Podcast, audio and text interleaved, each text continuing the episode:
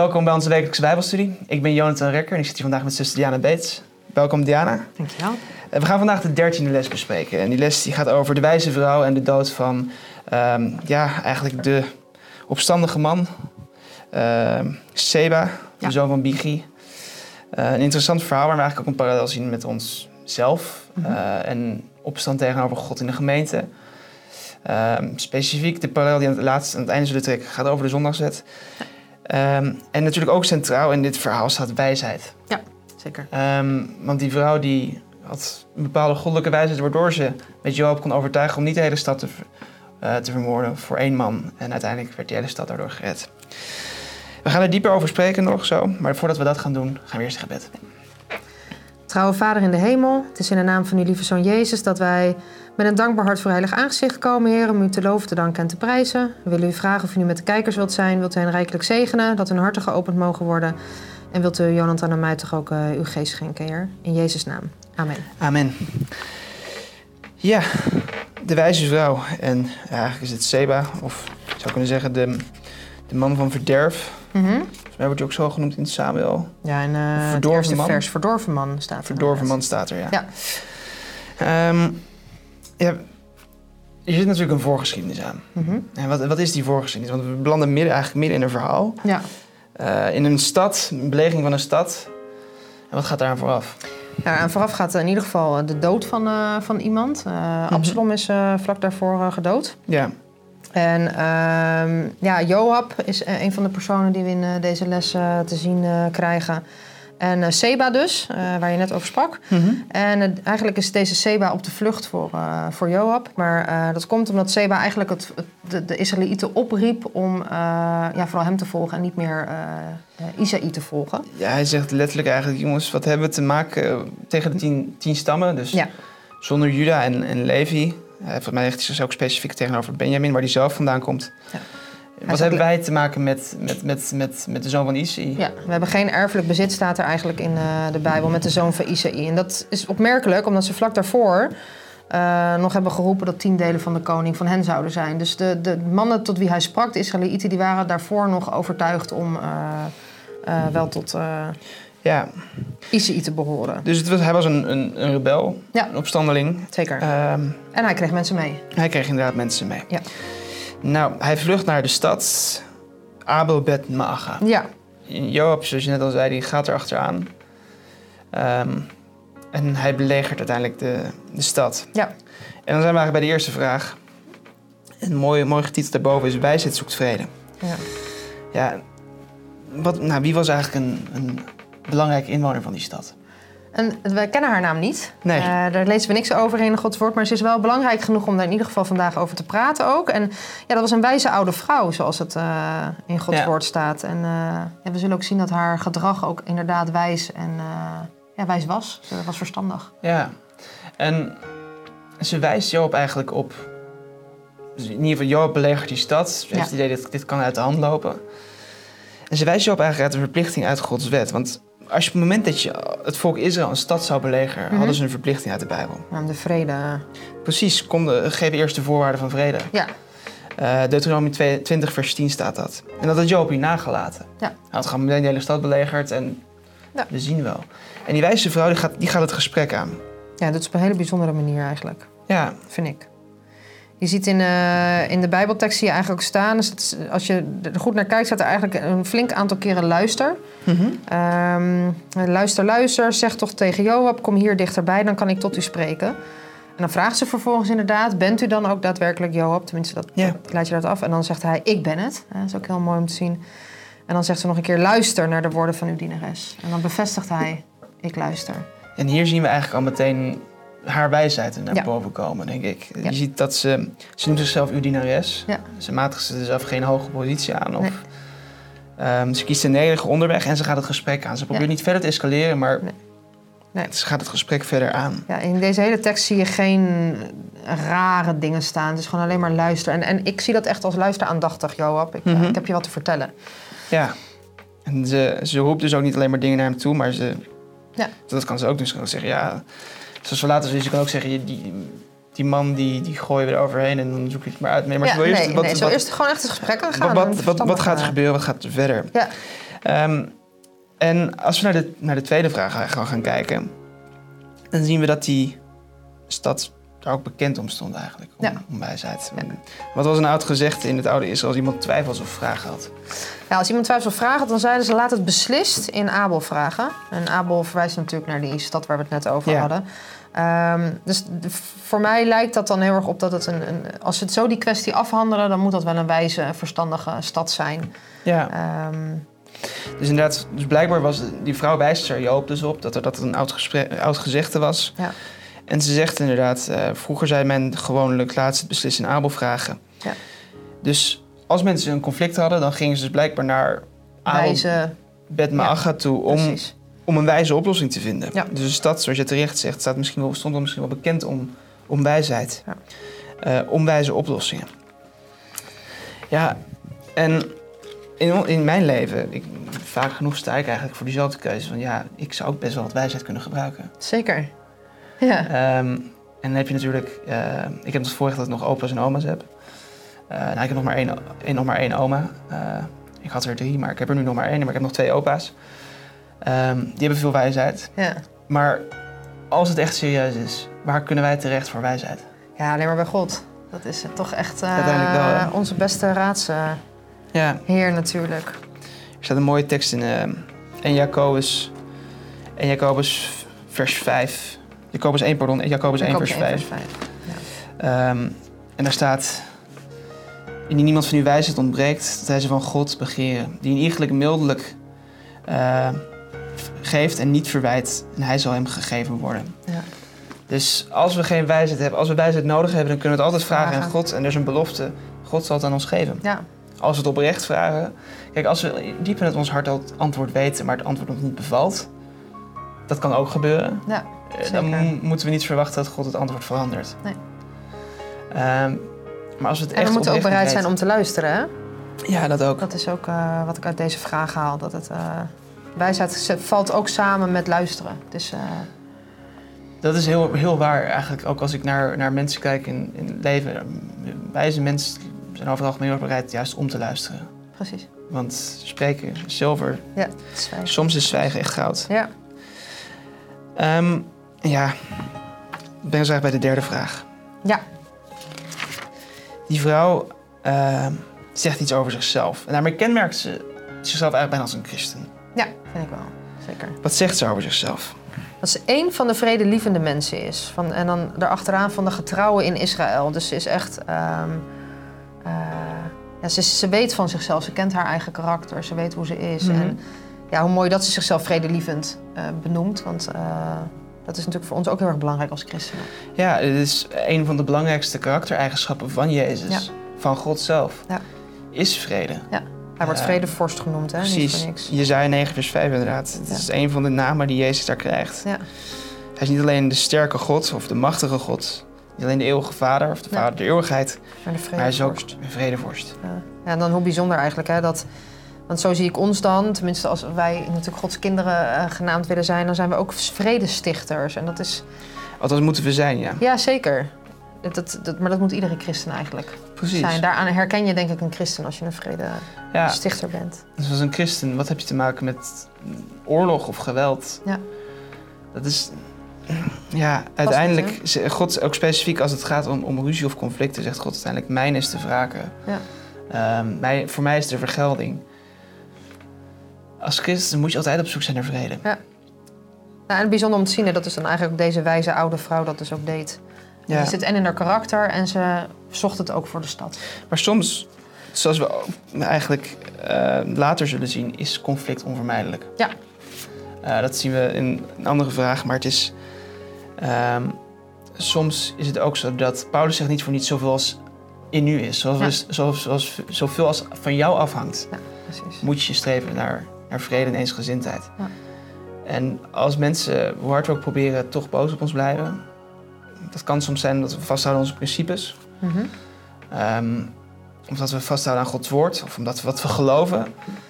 Ja, je kan je geloof niet verraden. Je kan jezelf, je kan niet verloochenen. Dat Precies. Kan niet. Nee. En als mensen daarom ruzie met je hebben, dan kan je misschien het verkeerd gebracht hebben. Daar kan je, dat kan je Ja. veranderen. Ja, het is geen vrede zoals we soms in de wereld kennen Nee. van alles omwille van de lieve vrede. Dat, Dat- is natuurlijk niet de bedoeling. Het Dat is echt, misschien eh, het verkeerde uiterste. Precies. Ja. Maar zij was een vredelievend mens. Precies. En, eh, onder de getrouwen van Israël. Dus ja, dat zegt wel iets over wie ze was. ja, en ook het feit dat ze, ze treedt eigenlijk op als een middelaar voor, Ja. haar, voor haar stad. Ja. Eh, dat zie je denk ik ook een, een eigenschap in van Jezus zelf, die voor Ja. ons als middelaar optreedt. Ja. Maar ook wat wij moeten doen. Als, wij zijn ook voor God, zijn we ook middelaars voor onze naasten. Ehm, er is een citaat van Sister White waar ze zegt: Als je, als je niemand noemt, anders noemt in jouw gebed, dat is een zelfzuchtig gebed. Ja. En dan, is het maar de- dan zegt ze eigenlijk: En dat kan God niet aannemen. Dus als we bidden, moeten we niet alleen aan onze eigen zorgen denken, maar ook aan de zorgen van Van anderen. anderen.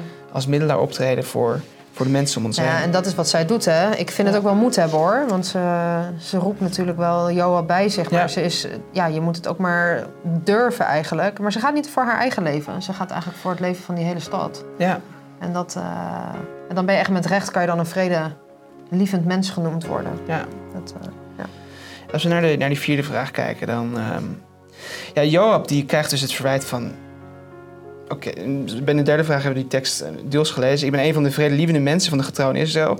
En vervolgens zegt ze tegen u probeert een stad te doden die een Ja. moeder is in Israël. Ja. Waarom wilt u het eigendom van de Heer verslinden? Ja. Nou, hoe reageert Joab erop? ja, die raakt eigenlijk een beetje in de war. Die zegt, eh, die zegt meteen ook geen sprake van. Er is bij mij helemaal geen sprake van... dat ik de stad verslinden of te gronden richten wil. Dus hij... Hij zegt eigenlijk, ja, dat, dat klopt eigenlijk helemaal niet. Ja, dus hij was eigenlijk met iets bezig waarvan hij dacht van... Oeh, ja, dat is inderdaad wel... Het had hem tot het na, nu je het zo nadenken zegt. Ja, Precies. En dan geeft hij eigenlijk aan, hè. eh, hij geeft eigenlijk ook de oplossing. eh, eh, lever dan alleen hem uit, dan zal ik van de stad wegtrekken. Ehm, hij wist Ja. waar hij voor die gekomen was. Hij kwam voor Seba, daarvoor was hij op zoek. Daarnaar was hij op zoek. En daarvoor kwam hij ook de stad Abel binnen. Maar ja, toen zij dat zo bracht, toen had hij wel echt zoiets van... hé, hey, dit, dit is... Dit, dit klopt eigenlijk helemaal niet. Als dit zo over, misschien wel zelfs als het zo overkomt. Dat was niet wat hij... eh, ja, dus uit zijn initiële gedrag, door die hele stad te belegen... lijkt Ja. in ieder geval te komen dat hij van plan is die hele stad ja. in te nemen met geweld. Ja. Die wijsheid van die vrouw die laat hem eigenlijk zien... Wat ben je aan het doen? wat ben je aan het doen? Ja, precies. Eh, waar ben je mee bezig? En dan denkt hij van, ja, je hebt gelijk. Ja. Dit is inderdaad niet goed. En vervolgens komt hij uiteindelijk, stelt hij een, een oplossing voor die het allemaal kan... Waarmee het allemaal ja, kan worden opgelost. Ja. Ehm, Door hem uit te leveren. en hoe reageert ze erop? Vond ik ook mooi. Zie, zijn hoofd zal u over de muur toegeworpen worden. Oftewel... Ja, dat is tamelijk bloederig. Dat, ja, dat zie je niet voor je, maar... Nee, maar ik bedoel met mooi te zien dat, ze dat, dat zij ook dus eigenlijk luisterde weer. Het was echt een gesprek wat ze voerden met elkaar. Tenminste, zo zie je... En ze is ook in ieder geval vastberaden dat, Ja. ehm, om dit zo op te lossen. zijn. En specifiek natuurlijk, het punt is ook, ehm, voor hoogverraad, ook als je het leest in opstand, Mhm. ehm, staat uiteindelijk de doodstraf. Als het niet in dit, dit leven is, dan is het uiteindelijk de eeuwige dood. Ja. Het is dus niet alsof Seba het een slachtoffer was van ehm, een, een slecht compromis. Nee. Ehm, hij kreeg een rechtvaardige straf. Zeker voor de maatstaven van die tijd. Ja, en zij wilden het volk redden. Dus het was, dat, was Ja. de, dat was de oplossing. En Ja. ook al is ze dan vredelievend... wil het niet zeggen dat de gevolgen eh, altijd maar... ja. Netjes blijven, zeg maar. Hè? Deze straf kon, Nou ja, kon Seba ook niet In ontkomen. het Oude. Testament zie je natuurlijk dat God, ehm, hoe God handelt met opstand. Ja. En dat is altijd eh, best wel zwaar in ieder geval, in onze ogen. Met- Als we Ja, als ons je menselijk gezien ogen. bekijkt. Maar dat is natuurlijk ook hoe God kijkt naar opstand. Ja. Tegen, tegenover zijn heerschappij, tegenover de opstand van de zonde. Daar staat uiteindelijk de doodstraf van de eeuwige dood op. Ja. Hij haat de Ehm, zonde. Het is niet precies. voor niks dat het loon van de zonde de dood is. Precies, en dat zie je dus continu ook in het Oude Testament terugkomen. Hoe ernstig voor God zonde is, Ja. komt daarin terug. Ehm, En, En het dat moest uitgeroeid worden. Dat Ja. is echt... eh, ja. Ja. Ehm, ja, als we eigenlijk kijken naar die opstandigheid, we zijn er eigenlijk wel mee bezig. Die opstandigheid die we zien in, in Seba, Ja. dat symboliseert ook eigenlijk iets in ons. Mhm. Ja, het is, we hebben het over meerdere dingen eigenlijk. Hè? Ik denk dat Ja. het ook de zonde in ons is, in onze zonnige eh, natuur, dat we moeten wegdoen. Eh, ik denk dat het ook gaat over eh, dat we in ons volk geen zonde moeten Mhm. toelaten. Ehm, geen mensen moeten toelaten die, die ons oproepen tot zonde, te zondigen, zeg maar. Dus het, Ja. zit, het zit voor mij in meerdere symbolieke, maar echt de persoon wie je... Ik, ik denk dat het eigenlijk echt de zonde in ons is. Hè, tegen ons eigen ik, tegen eh, misschien wel de leer van de kerk, de... Ja, Het, het is uiteindelijk de... Paulus noemt het de oude mens ja, in Efeze 4. Ehm oftewel de mens van de zonde. En eh, een andere tekst die ik hier nog wel zou willen noemen is Romeinen 8 vers 7. Want het bedenken van de vlees is vijandschap tegenover God, want het onderwerpt zich niet aan Gods wet, want het kan het ook niet. nee. Eh, onze natuurlijke mens in, in ons, onze natuur is, is uiteindelijk van nature opstand tegenover God. Ja. Onze zondige natuur. Het is noodzakelijkerwijs een scheiding tegen God. Ja. Ehm, en opstand. En het is diezelfde geest die Seba had. Het is, de, het is uiteindelijk de geest van Satan Ja. die in opstand kwam tegen Gods heerschappij en macht. Ja, en zowel tegen onszelf als tegen het, het volk. En, Ja. eh, Precies. En ik denk dat je dat eigenlijk ook in het verhaal gesymboliseerd ziet. Dus, dus Gods reactie eh, tegenover opstand is op diezelfde manier als, als Seba. Het klinkt voor ons heel heftig. Iemand wordt onthoofd. Dat is best wel ja, bruut en het is ook niet iets wat we kennen of zo. Het is niet Nee. wat we gauw mee Gelukkig niet meer. Gelukkig niet meer, nee. nee. Ehm, maar het is natuurlijk uiteindelijk wel de een. De dood is uiteindelijk in ieder geval voor is uiteindelijk de enige rechtvaardige straf voor opstand tegenover God. Zeker. Ja. In de eeuwige dood, weten we uit de Bijbel. Maar goed, zijn hoofd wordt wel over de muur. Ja, het wordt Geworpen. uiteindelijk, de zonde wordt weggedaan als het ware. Precies, precies. Uit die wijze stad. Ja, en dan zou je eigenlijk ook tegenover voor ons kunnen zeggen: zo moeten wij die zonde, mensen, die zondige natuur uit ons Ja. weggesneden worden en, Ja. en weggeworpen worden. Ja, Ja, heel ver van ons vandaan. ja ehm, we gaan naar de vijfde vraag. Ja. Als je ehm Satan die eh, ziet Gods gemeente en zijn, wat probeert, welke geest probeert nou in Gods gemeente te brengen? Ja, ik denk de, de geest van opstand, van Ja. rebellie, van ehm, wantrouwen. Ehm, maar vooral rebellie, denk ik. Dat is echt... eh, Je zag het natuurlijk met eh, Korach Ja. in, tegenover Mozes. Ja. Dat is diezelfde geest. De geest van opstand ehm, is uiteindelijk een geest van Satan. Ja. En dan bedoel ik met name opstand tegenover, tegenover in, in, de, in de gemeente.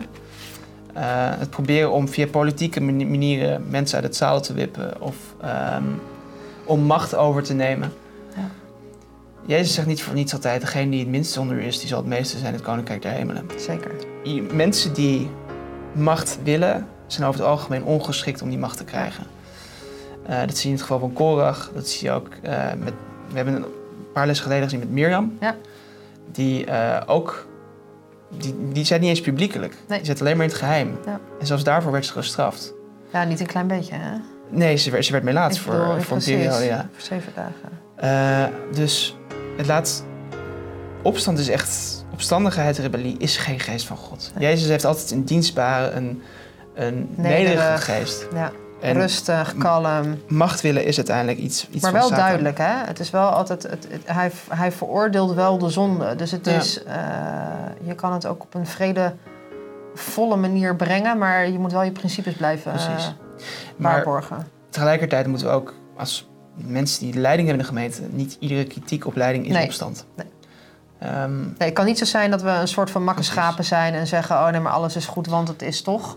Precies. Eh, dat kunnen we inderdaad niet doen. We moeten ook niet dingen eh, onder de, nou ja, de tafelkleed je- schuiven, zeg maar. Als je kijkt in ieder geval naar de hervormers, ook in de, tijdens de Die waren ook heel duidelijk, hoor. Precies, die waren duidelijk Ja. over de zonde in de, in de kerk. Maar Luther wilde nooit scheiding. Nee. Die wilde gewoon de gemeente veranderen. Ja.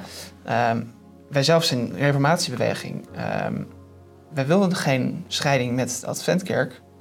Maar we zijn eruit gezet. Mhm, En uiteindelijk was de scheiding zo groot dat je niet kon verzoenen. mhm. Dus het is niet zo dat het benoemen van gebreken zonde is. Maar we proberen uiteindelijk om, om macht naar je toe te trekken. Om ehm, leiders, Op, op valse voorwenselen of voor verkeerde Precies. doeleinden, dan gaat het... eh, om dingen op de man te spelen. mis, precies. Om dingen op de man te spelen, dat is uiteindelijk fout. Ja. Je mag de zonde best bij de naam benoemen. Ehm, maar we moeten niet vergeten, met het oordeel waarmee je oordeelt, wordt je zelf ook geoordeeld. Ja. Dus doe dat altijd persoonlijk. Eh, noem de zonde bij naam, maar heb nooit een hekel aan de zondaar. Ja, precies. Haat de zonde, maar haat nooit ook niet. de zondaar. Ja, precies. Ik denk ook nog wel dat een van de symboliek, of waar we het net even over hadden, staat een klein stukje nog in de opmerking. Na de eerste overwinningen van de hervorming drongen allerlei, onder allerlei vermommingen de Jezuïeten ongemerkt door in het staatsapparaat. Brachten het tot raadslieden van koningen stippelde het staatsbeleid uit. Oftewel, het was dus de je moet ook oppassen zeg maar, dat er niet valse leerstellingen de gemeente binnenkomen. Dat er niet valse voorwenselen zijn. Ehm, ja, Ja. vermomd onder een, een, een- een, bepaalde gedachte. Dat, dat klopt niet. Daar moeten Nee, we scherp op zijn. Het is, ehm, Satan probeert altijd om in Gods gemeente te komen. Ja, zeker. Juist in Gods gemeente. En helaas zijn wij als leden ehm, vaak bereid genoeg om hem zijn, zijn zin te geven. Ja. Laat ons, ik, ik, ik, zal, ik zelf even goed laat me soms ook gebruiken voor, door verkeerd te reageren. Ik heb het niet altijd toon door. te zeggen. Ja, verkeerde toon of te oordelen. Of, ja. Soms verkeerde dingen te zeggen tegen de verkeerde mensen. Ja. Eh, terwijl je het eigenlijk voor je moet houden. Ja. Dus ehm, we moeten niet vergeten dat wij, wij zijn de enige ingang voor Satan in Gods gemeente. Want we zijn Gods gemeente. En wij moeten, daarom moeten we hem ook afsluiten. Precies. Ja. ja. En Satan zal het proberen Ja. op die manier. Ehm, als we naar de zesde vraag gaan. Mhm. Hield, nou, hield, wat deed die wijze vrouw? Hield ze zich aan haar belofte? Ja, zeker. Ze, ze had nog wel een stapje ertussen. Ze ging met al haar wijsheid naar heel het volk van de stad. Hè? Ja. Ik kan, je, ik Ehm, kan me voorstellen dat misschien de, de temperatuur in die stad misschien wat hoog was. mhm. Zeg maar, ja, misschien dat is een, enigszins een anglicisme, hoe ik het zeg, maar... ehm, ja, als je ziet een leger, je Ja. denkt waarom? Wat hebben we fout gedaan? Eh, mensen zijn bang misschien wel, misschien wel boos. Mhm. Ehm, en je hebt dus dan wijsheid nodig om mensen te vertellen wat de oplossing is en Ja. hoe je kan reageren. Ja. Misschien had Seba ook wel medestanders in die stad. Dat, Ja, dit, is, dit kan ik niet niet, aantonen maar- uit de Bijbel of uit de Ja. geestelijke profetie. Maar het is niet, onwaar, het is niet onwaarschijnlijk dat je Nee. naar een stad gaat waar je bondgenoten hebt. Nee. Ehm, in ieder geval niet voor niets zegt de Bijbel dat ze met heel haar wijsheid naar het volk ging. Ze moest blijkbaar dus mensen overtuigen. ja, precies. En die wijze leidde uiteindelijk toe dat ze inderdaad, zoals jij zei, eh, Deed wat ze had afgesproken. Ja. Ja. hakte Seba het hoofd af en wierpen het naar Joab. ja. En wat deed, hield Joab zich aan zijn kant Ook. van, van de bargain? Ja. Ja, en die had zich ook aan de overeenkomst. Ging terug naar Jeruzalem zelfs. ja. Dus, ehm, En dat laat ook misschien voor ons ook zien als een. Mensen hebben soms de neiging als een, om een conflict er is, ja. om door te blijven gaan. Ehm, met name in relaties, je dat? Ja, of erin te Eh, blijven hangen. Of inderdaad in onze, in onze verhoudingen tot elkaar, als broeders en zusters, als ouders tot kinderen of ouders onderling. Ja. Ehm, mannen en vrouw onderling. Ja. Om, ook al is het conflict eigenlijk weg, Toch nog even... toch eh, nog ja. door te gaan. ja, je ziet dat dat hier helemaal niet gebeurt, hè? Precies. Ze doen gewoon echt wat ze hebben afgesproken. Dus het is, eh, ja... Joab die heeft wat hij vroeg en gaat weg. Ja.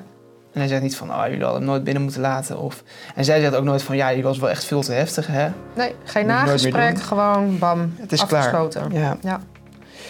Ehm, die vastberadenheid waarmee ze eigenlijk dit kwaad uit haar stad uitroeit. Mhm. Wat is daar eigenlijk een les voor ons?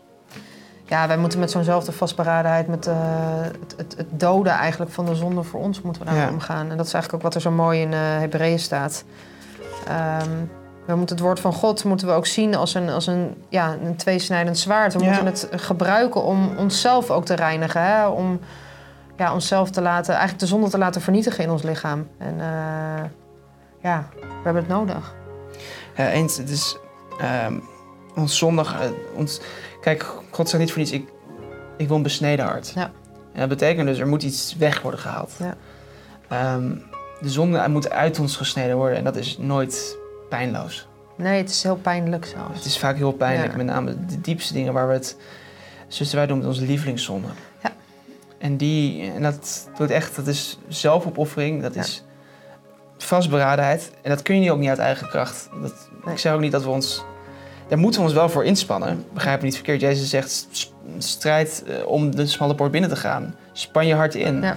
Zegt ook Petrus. Ehm, maar je kan het niet uit eigen kracht doen. Het is alleen Jezus die die kracht geeft. Ja. Dus je kan het niet op eigen werken doen, maar zonder eigen werken is het uiteindelijk ook. Ja. Zonder dat we zelf iets doen, is het ook onmogelijk. Eh, maar het is God die door ons werkt. Die, en aan hem is ook alleen het werk toe te schrijven. Ehm, ik denk, als we naar de laatste vraag, deze nog iets wilde zeggen op deze vraag. Ehm, in de Bijbel zien we ook een personificatie van wijsheid. Ja. Ehm, ja, wie is dat? Ja, dat is Christus. Ja. Ja. ja. Ik vind het ook zo staan. En wij prediken Christus, de kracht van God en de wijsheid van God. Het is, hij is al zoveel, maar als je het in deze context van deze Ja. les ziet, dan ja, hebben we hem zo hard nodig. En ehm, Is hij de wijsheid? Dat is, uh, Ja, je ziet het ook in ehm, Spreuken hoofdstuk 1, vanaf vers 20. ehm, over de opperste wijsheid, een personificatie daarvan, ook in Spreuken hoofdstuk 8. Ja. Ehm, de Bijbel zegt meerdere keren eigenlijk, spreekt over Jezus als, als, als een personificatie van wijsheid. Ja. God is de bron van alle wijsheid en van alle kennis die ons allemaal te boven gaat. Ja. En in de opmerking, als jij die zou willen lezen, zien we eigenlijk een goed advies voor eh, mensen. Waar ik misschien wel een van ben die vaak op zoek zijn naar ook wereldse wijsheid en wereldse kennis. ja. Dat is op Nee. zichzelf niet fout. Je mag streven naar alle kennis in de wereld. Mits. Maar er zijn prioriteiten. Ja. Ja. Mijn broeder, u zou de wijsheid van God moeten beschouwen als alles in alles. Godsdienst moet hand in hand gaan met de wetenschap om van uw opleiding een geheiligd middel te maken om goed te doen en anderen tot de waarheid te bekeren. Hoe meer we leren in de school van Christus, hoe vuriger we zijn om die kennis te ontwikkelen. Al onze aanwinsten zijn van weinig waarde, tenzij het karakter door godsdienst wordt veredeld. God heeft speciale taken voor ieder individu om uit te voeren en er zal over elke zaak een beslissing worden genomen over de trouw waarmee deze taken zijn vervuld. Ja.